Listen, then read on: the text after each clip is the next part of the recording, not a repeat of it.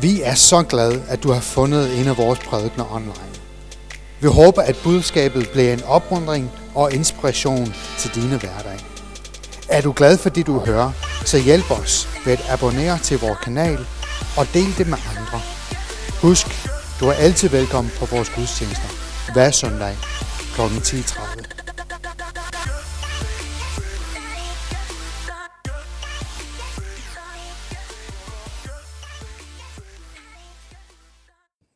Jeg vil gerne dele nogle tanker med jer i dag. Nogle tanker, som har følt en del i mig selv de sidste måneds tid. Og hvis du har været med til et ledermøde, et planlægningsmøde, måske bare lidt sjælesorg, eller hvad det nu kunne være, så har jeg nok højst sandsynligt refereret til den her skriftsted, som jeg kommer til at fortælle om. Jeg har forsøgt, i hvert fald her i starten, at oversætte til engelsk, arabisk, persisk, jamen, ja, squiggling sprog, og øh, til portugisisk. Det er mit hjerte, et hjertes udtryk om at være inkluderende, men øh, jeg ved egentlig ikke, hvad der står.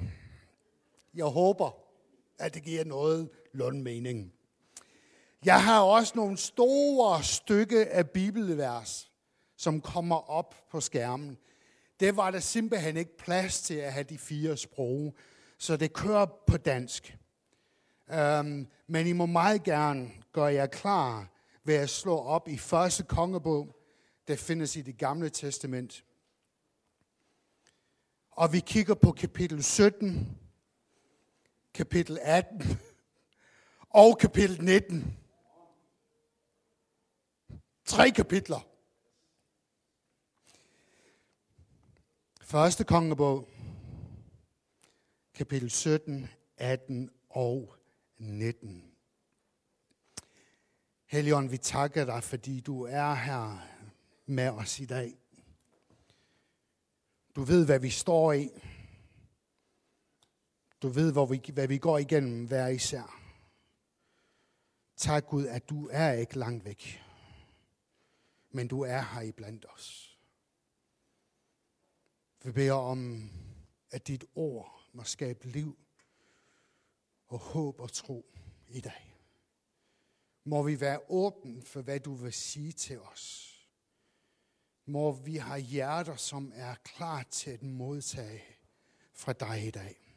Hjælp mig, Helligånd. Amen.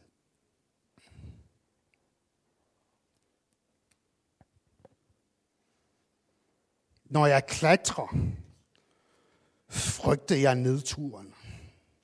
Klik, klik, klik på vognen Banen ringer i mit øre med hver eneste meter.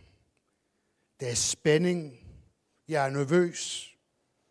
Alt bygger sig op lige et, et eller andet sted under min navl. Det brænder i mig. Ligesom når jeg skal have en kys på en first date. Men jeg føler ikke, at det er spænding, spændende. Og jeg nøder det ikke. Jeg er allerede to skridt foran fordi jeg ved, hvad det kommer. Når vognen kører op ad bakken, er det et øjeblik, hvor jeg føles suspenderet, sat på pause. Jeg ønsker altid i det splitsekund, at jeg kunne bare blive der for evigt, hvis det var muligt. Jeg er ligeglad, at det vil betyde, at jeg kan aldrig komme ned eller fortsætte med livet. Jeg ved, at nedturen kommer lige om lidt. Og så falder jeg. Jeg klamrer mig til vognen. Jeg er både overbevist om, at det vil aldrig ende, og jeg er overbevist om, at det vil ende med det samme og med min pludselig og lidelig død. Jeg vil ønske, jeg kunne gøre noget for at stoppe det. Jeg beder til, at jeg må genleve og beder om, at det må er snart forbi. Og så er det. Jeg nød ikke et eneste sekund af rutsjebaneturen. Har du nogensinde haft sådan et øjeblik, hvor du oplever det? Du oplever straks, der er et stort øjeblik i dit liv. En stor begivenhed. Et bryllup, en fødsel, køb af et hus. Det kan også være noget mindre, noget mere almindeligt. Måske er det bare et øjeblik i en park, en middag med en, man elsker, køretur ned ad vejen, og solen skinner. I hvert splitsekund med familien eller venner, eller måske bare med dig selv og med Gud, hvor alt føles godt. Og i det øjeblik finder du en fred og en glæde, og du kan bare sejle igennem livet, indtil det styrter ned. Og pludselig er du urolig. Du forventer slutning. Du forventer enden på det. Du frygter, hvad der kan ske i fremtiden. Depression og angst tager fat. Lyder det bekendt, at når du afslutter et projekt, det tog flere måneder, måske endda år, sugede dit blod, sved og tår op, og et øjeblik stopper du op, glad, og så pludselig nedturen. En følelse af tomhed, usikker på, hvad du skal gøre næst. Ligesom du svømmer i følelser af tristhed, frygt eller endda vrede, som du ikke forstår. Jeg tror, de her fortælling om følelsesmæssige nedture, umiddelbart efter stor succes, er for almindeligt til at være tilfældigt. Vi kan have det godt, og så kan vi have det helt forfærdeligt. Den ene øjeblik er vi sikre på, at vi kan ændre hele verden. Det næste øjeblik er det for meget at bide os om at flytte fra sofaen. Men i hvert store øjeblik i vores liv kommer efterfølgende et øjeblik, hvor det slutter. Vi går op, vi går ned. Jo højere vi stiger, jo længere synes vi, at nedturen er. Det bliver ligesom et mønstre. Og folk, eller vi ofte lærer at frygte, når ting går godt. Vi venter på, at den anden sko falder, og vi venter på nedturen. Det behøver ikke at være baseret på fakta. Det behøver ikke at være baseret på omstændigheder, sygdom, arbejdsløshed eller et eller andet andet skræmmende og sorgfuldt situation. Det er ikke nødvendigvis de ydre faktorer, som understøtter det. Men vi kan have stadigvæk en følelse, et hjerteskærende følelse, at livet bliver vendt på hovedet, og vi er på et følelsesmæssigt nedtur. At vi ikke længere lever i sejren, men nedturen kan føle, at det bare udsletter os fuldstændig, og måske vil det aldrig slutte. Jeg ved ikke, om I kan genkende det. Jeg har prøvet at være lidt poetisk i min skrift. Det er svært for mig at være poetisk på en god dag. Det er også svært for mig at være lidt poetisk, når jeg snakker dansk. Måske var det for nogle voldsomme ord.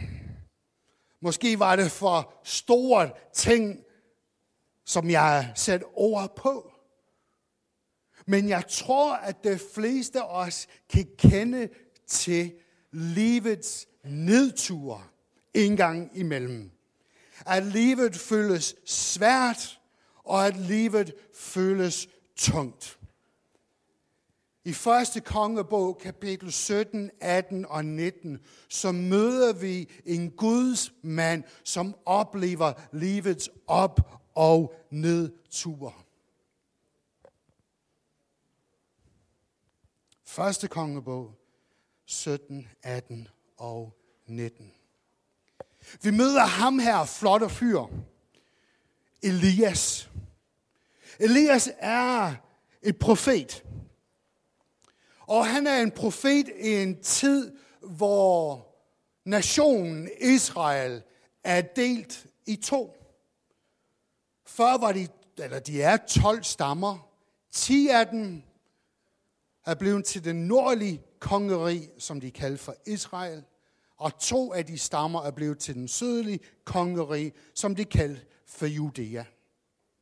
I begyndelsen, da de først begyndte at få konger, så havde de tre konger, som var gudfrygtige. De lavede fejl, de var langt fra perfekt, men er det ikke sådan, vi er som mennesker? Men de var gudfrygtige, og de søgte Herren oprigtigt. Saul, David og Solomon. Efter Solomon, så kom det bare gang på gang på gang konger, som var gode, men også konger, som var dårlige.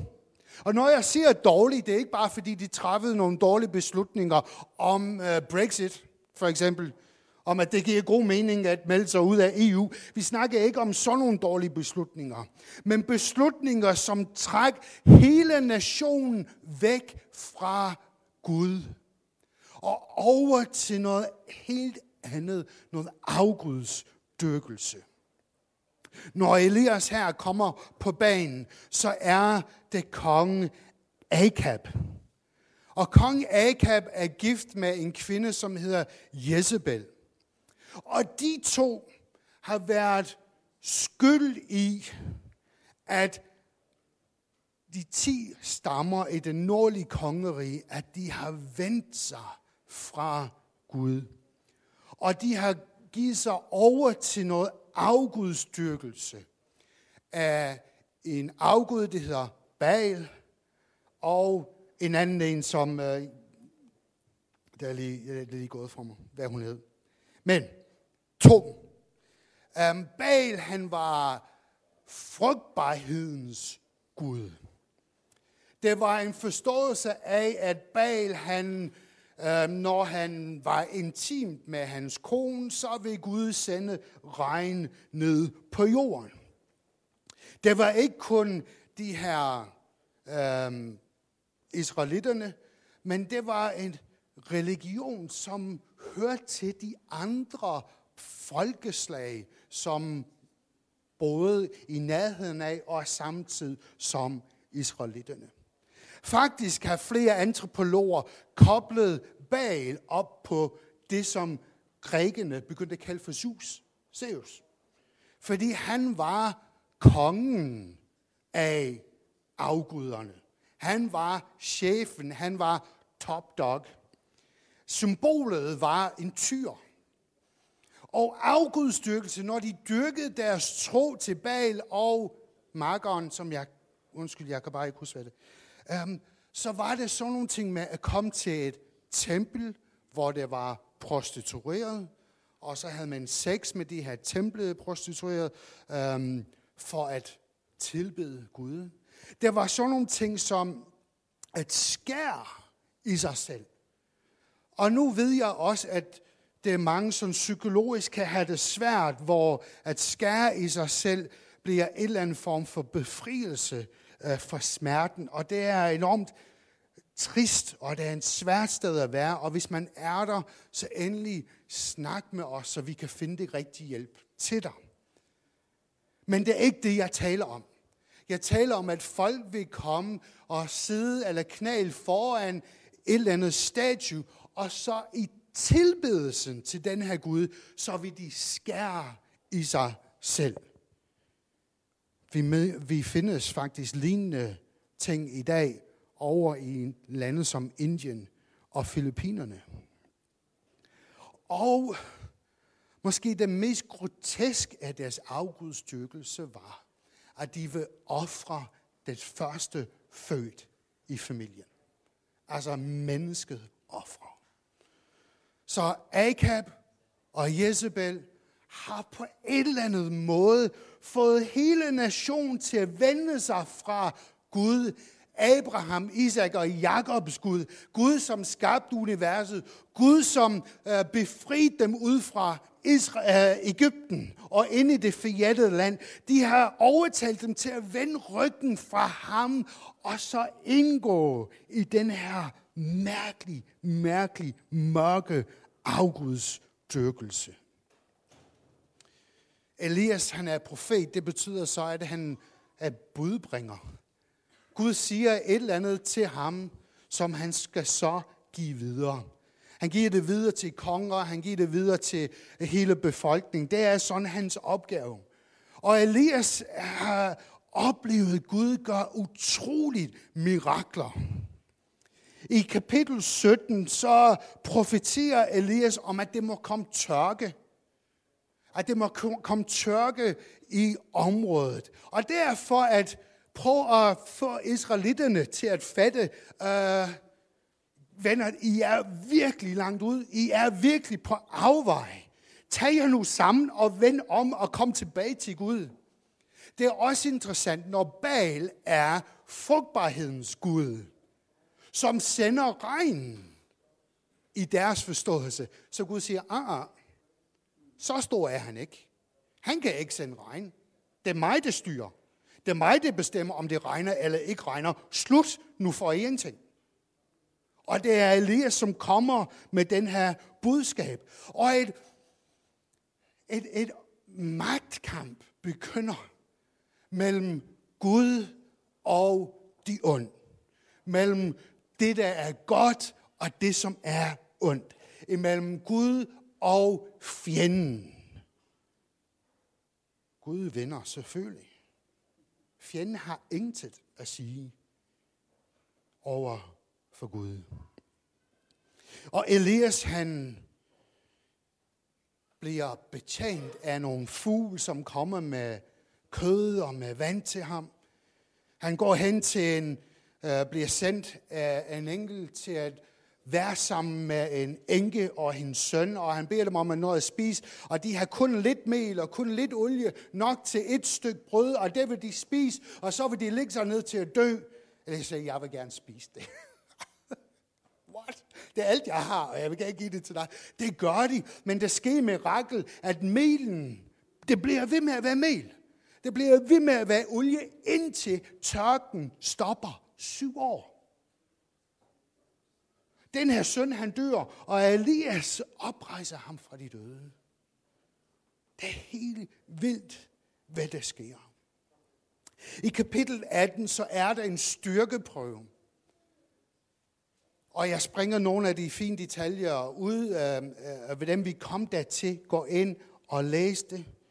Men her står Elias op og siger, nu en gang for alle skal vi vise, hvem er Gud. Hent din Bals profeter, og hent profeter fra ham, den anden Gud. Og så bygger vi et alter, og vi slagter en tyr, og vi sætter den på, og så kan vi bede til vores Gud, at han må sende ild, og så vil den her ofre blive brændt op. Og de der 450 profeter plus de andre profeter, de er der, og de råber, og de skriger, og de skærer i sig selv, og de forsøger på at få opmærksom på Baal, den konge af alle guder. Og det sker nada. Det sker ikke en dut.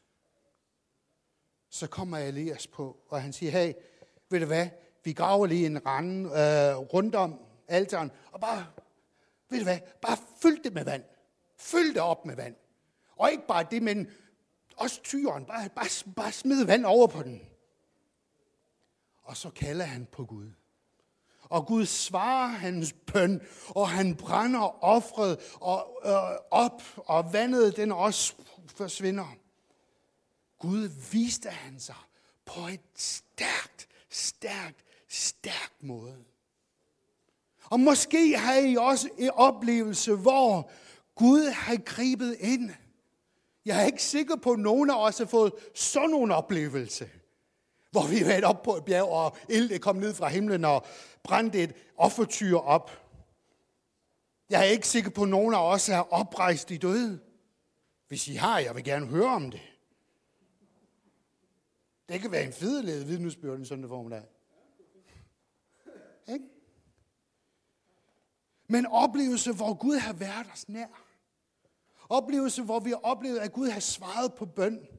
Hvor Gud har gribet ind. Bare det, at vi er blevet frelst. Bare det, at Gud har taget os fra der, hvor vi var. Og kaldet os. Og kalder os nu hans børn. Hans afringer. At vi er sammen med Gud. Altså, det, det, det, det er vildt. Stort. Her kommer Elias med et venner, I skal tage jer sammen. I kan ikke have en fod i begge leje, en ben i begge leje. I er enten med Baal eller I med, med Gud. Træf nu en beslutning. Men det, der sker efter den her fantastisk moment, den her fantastisk stund, hvor Gud griber ind, hvor tingene går godt, så kommer Jezebel og siger, ved det her tidspunkt i morgen, jeg kan godt love dig, jeg har slået dig ihjel. Elias, han er lige oprejst ind fra de døde. Han er lige kaldt ild ned fra, fra jorden. Og så bliver han bange af en trussel. Ved det her tidspunkt i morgen, så er du død. Det vil jeg sørge for. Jeg lover mine guder, at det vil ske. Og hvad sker der? Hvad sker der for Elias? Hvad sker der for ham, som har lige haft den her stærk oplevelse? Rutsjebaneturen. Vum. Han går helt ned. Helt, helt ned.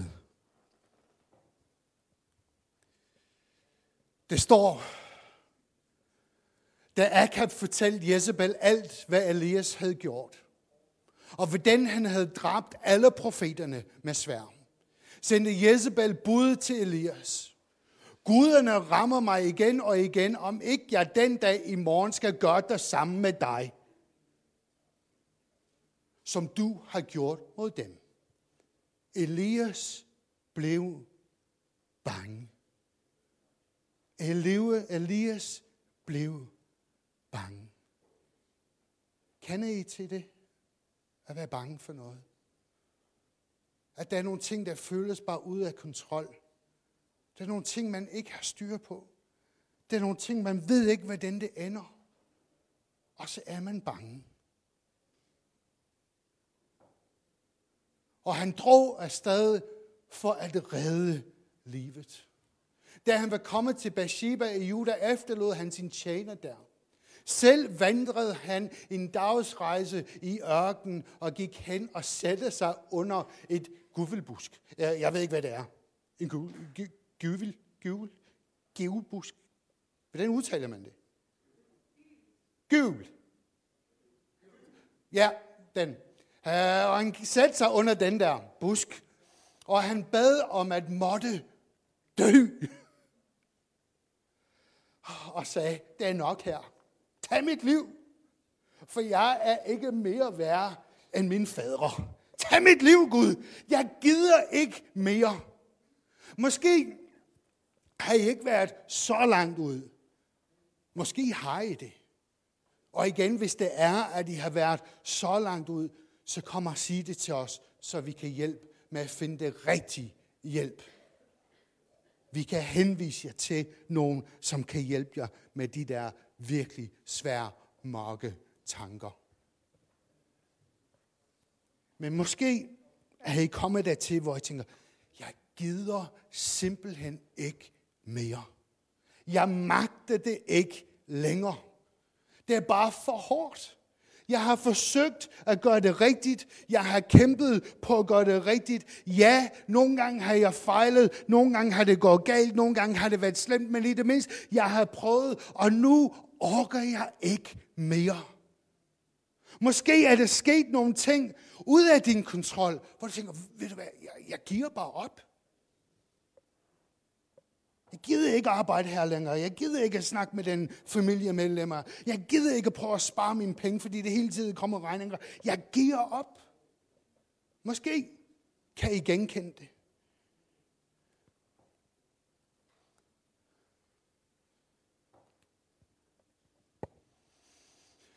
I 18 vers 5. Så lagde han sig ned og faldt i søvn.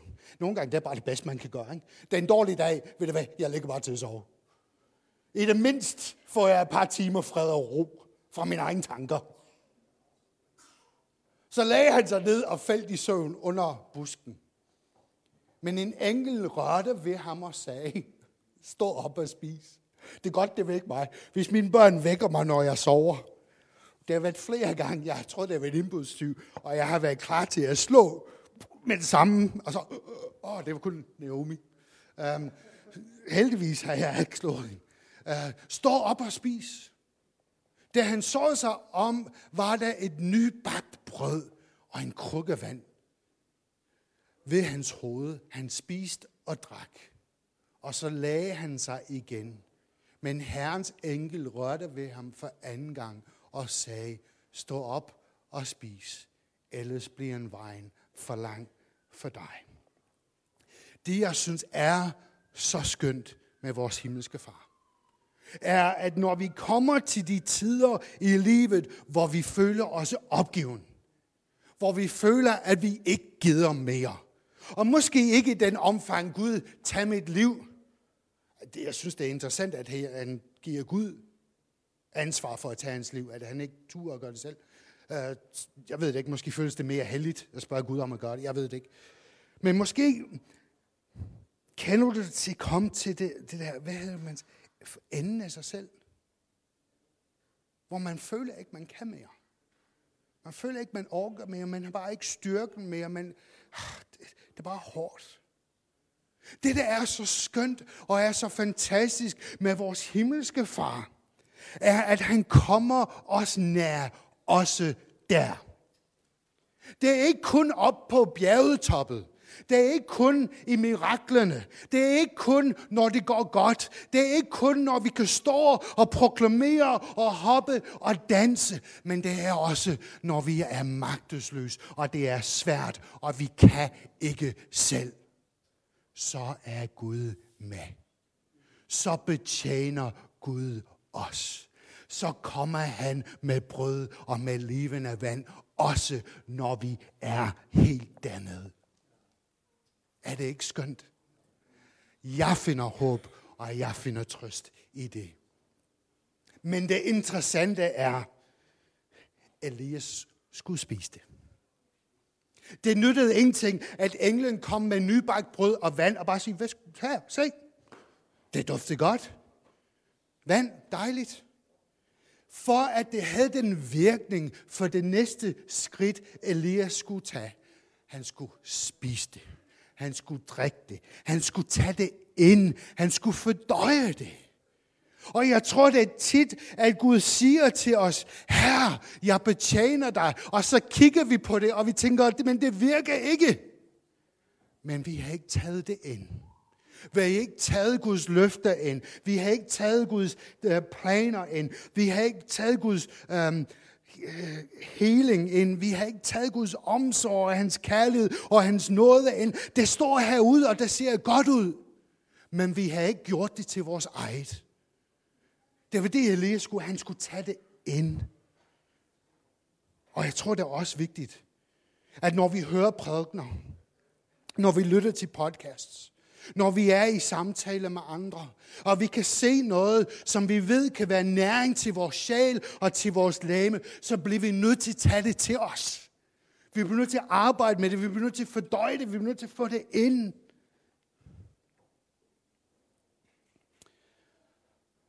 Ellers bliver vejen lang for dig. Han vil gerne slå sig selv ihjel. Han har fået noget brød og noget vand. Og nu taler Herren om, at vejen bliver langt. Vejen bliver langt. Jeg bliver bare her. Jeg bliver bare her, Herren. Jeg sætter mig under busken. Du kan blive ved med at sende en engel til mig. Han kan komme med brød hver eneste dag, og med en eneste dag. Jeg bliver her. Fordi jeg orker ikke at rejse mig op igen. Vejen er for langt for dig, hvis du ikke får noget næring. Livet er for langt for os, hvis vi ikke tilegner os Guds løfter og Guds ord. Hvis vi ikke tager det ind, så bliver livets vandring godt nok svært. Og det er svært nok på forhånd, ikke? Prøv det uden Guds hjælp, og uden Guds støtte, og uden Guds næring.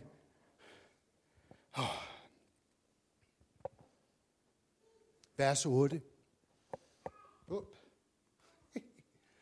Så lagde han sig ned og faldt i søvn.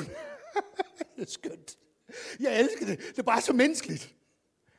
Lagde sig ned og faldt i søvn. Dejligt. Men en enkelt rørte ved ham og sagde, stå op og spis. Altså, jeg har lige fået besked. Ja, stor op. Ja, det er det samme.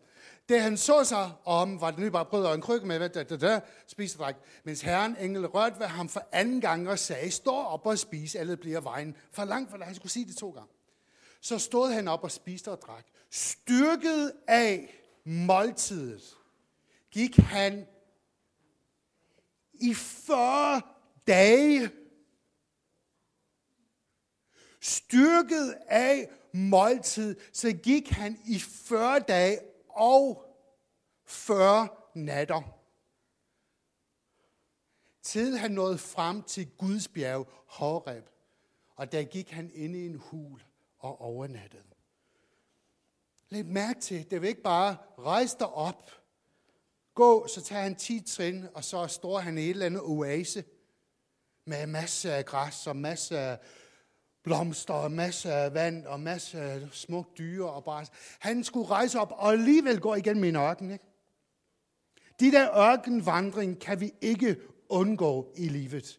Vi vil så gerne, og vi føler os så dårligt, når det kommer, og vi tænker, vi er dårlige kristne. Vi tænker det, fordi Gud straffer os. Vi tænker, fordi vi ikke er gode nok. Vi tænker, nej, sådan er bare livet. Livet har ørkenen tider, men Gud giver os styrken til at komme igennem. Så han går igen med de her 40 dage og 40 natter, og Jesus i arken i 40 dage og 40 natter, Noah i arken i 40 dage og 40 natter. Altså, det, det er et eller andet. Men Gud er med.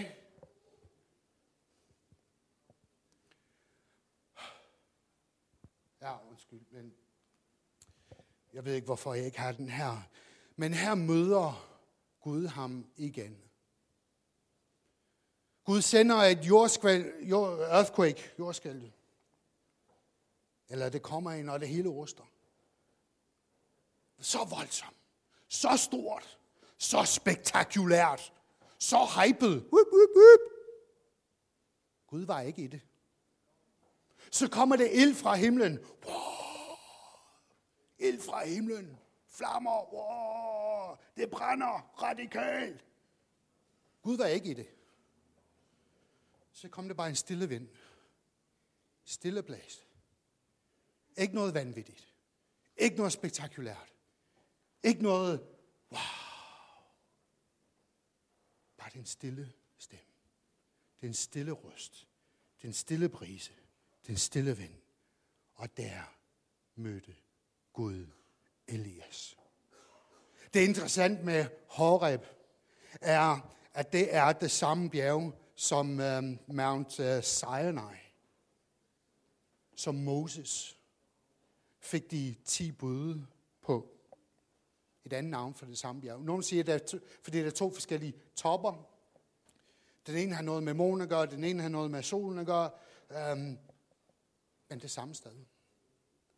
Elias skulle tilbage til pagt tilbage til løftet, tilbage til der, hvor Gud har egentlig lavet et pagt over for israelitterne. Og nogle gange er det det, vi skal, når det er svært. Vi skal gå tilbage til, hvad har Gud gjort, og hvad har Gud sagt, og blive mindet om det. Fordi det er ikke nødvendigvis vores fremtid, det kan få os igennem, men det er at stole på, hvad Gud har gjort i vores fortid. Stole på, at Gud har frelst os. Stole på, at Gud elsker os, og at der er intet, det kan adskille os fra Kristi kærlighed. Tag tilbage, mindes om, hvordan Gud har gribet ind, og tag det med i fremtiden. Og mens han er der, så de har en lidt en snak. Og Elias, han, han fortæller Gud, hvordan han har det. Jeg håber, I kan gøre det. Jeg håber også, I fortæller Gud, når det, I har en møgdag. Herren sagde til ham, vend tilbage af vejen gennem ørken til Damaskus, og gå hen og salve Hassel til kong over Aram. Jehu, Nimishis søn, skal du salve til kong over Israel. Elisa, Shafats søn, fra Abel Mehoa, skal du salve til profet efter dig. Den, der udslipper Hassels svær, skal Jehu dræbe, og den, der udslipper Jesus svær, skal Elias dræbe. Jeg vil lade 7.000 blive tilbage i Israel. Alle dem, der ikke har bøjet knæ for Baal, og hvis mund ikke har kysset ham. Det er tilbed. Det, det interessante er, i Elias' snak med Gud, så har han gentagende gang sagt, jeg er den eneste tilbage. Jeg er helt alene. Det er ingen, der forstår mig. Det er ingen, der oplever det samme som mig. Jeg er alene. Og det er det, der sker, ikke, når vi rammer bunden. At vi føler os helt alene, og det er ingen, der forstår. Det er ingen, der hjælper. Det er ingen, der har det, som jeg har det. Det er det, Elias har. Men i det her møde med Gud, hvor Gud siger, at han skal ud, så finder han ud af, der er en, som Gud har forberedt som konge. Der er en, som Gud har forberedt som uh, profet. Og der venter 7.000 tilbage. Elias havde ikke set det. Guds mand, profeten, havde ikke set det. Han har været så blind. Hans egen omstændighed, hans egen følelse har gjort ham blind til, hvad Gud har af tanker. Og nogle gange kan vi ikke se det. Nogle gange kan vi ikke se fremtiden. Nogle gange kan vi ikke se Guds plan. Nogle gange kan vi ikke se det næste skridt. Men når vi har tillid til ham, når vi stoler på ham, det vil komme et tidspunkt, hvor ligesom Elias, vi vil få øjnene åbne, og vi kan se, okay, det var nogen, og det var et plan, og det var en strategi, og det var en mulighed, og det var en job, og det var en partner, og det var hjælp til regninger, og det var lægedom, og det var, og det var, og det var, fordi Guds tanker for os er gode. Jeg ved ikke, hvordan din rutsjebanetur har været. Jeg ved ikke, hvad du går op og ned. Jeg ved ikke, hvad du oplever. Jeg ved ikke helt, hvad du går igen. Måske er du helt nede i bunden og helt nede i knæ. Jeg har været der. Jeg kender det godt. Men Gud han er god. Og Gud kan møde os og betjene os lige der. Og tage os derfra ind i den fremtid, han har til os. Hey, Tusind tak, fordi du har lyttet til en af vores prædikner. Vi håber på, at du er blevet velsignet og opmuntret af det, du har lyttet til. Det vil betyde rigtig meget for os, hvis du kunne dele det med andre. Eventuelt skrive en kommentar eller abonnere til vores YouTube-kanal. Men tak for i dag, og Guds fred.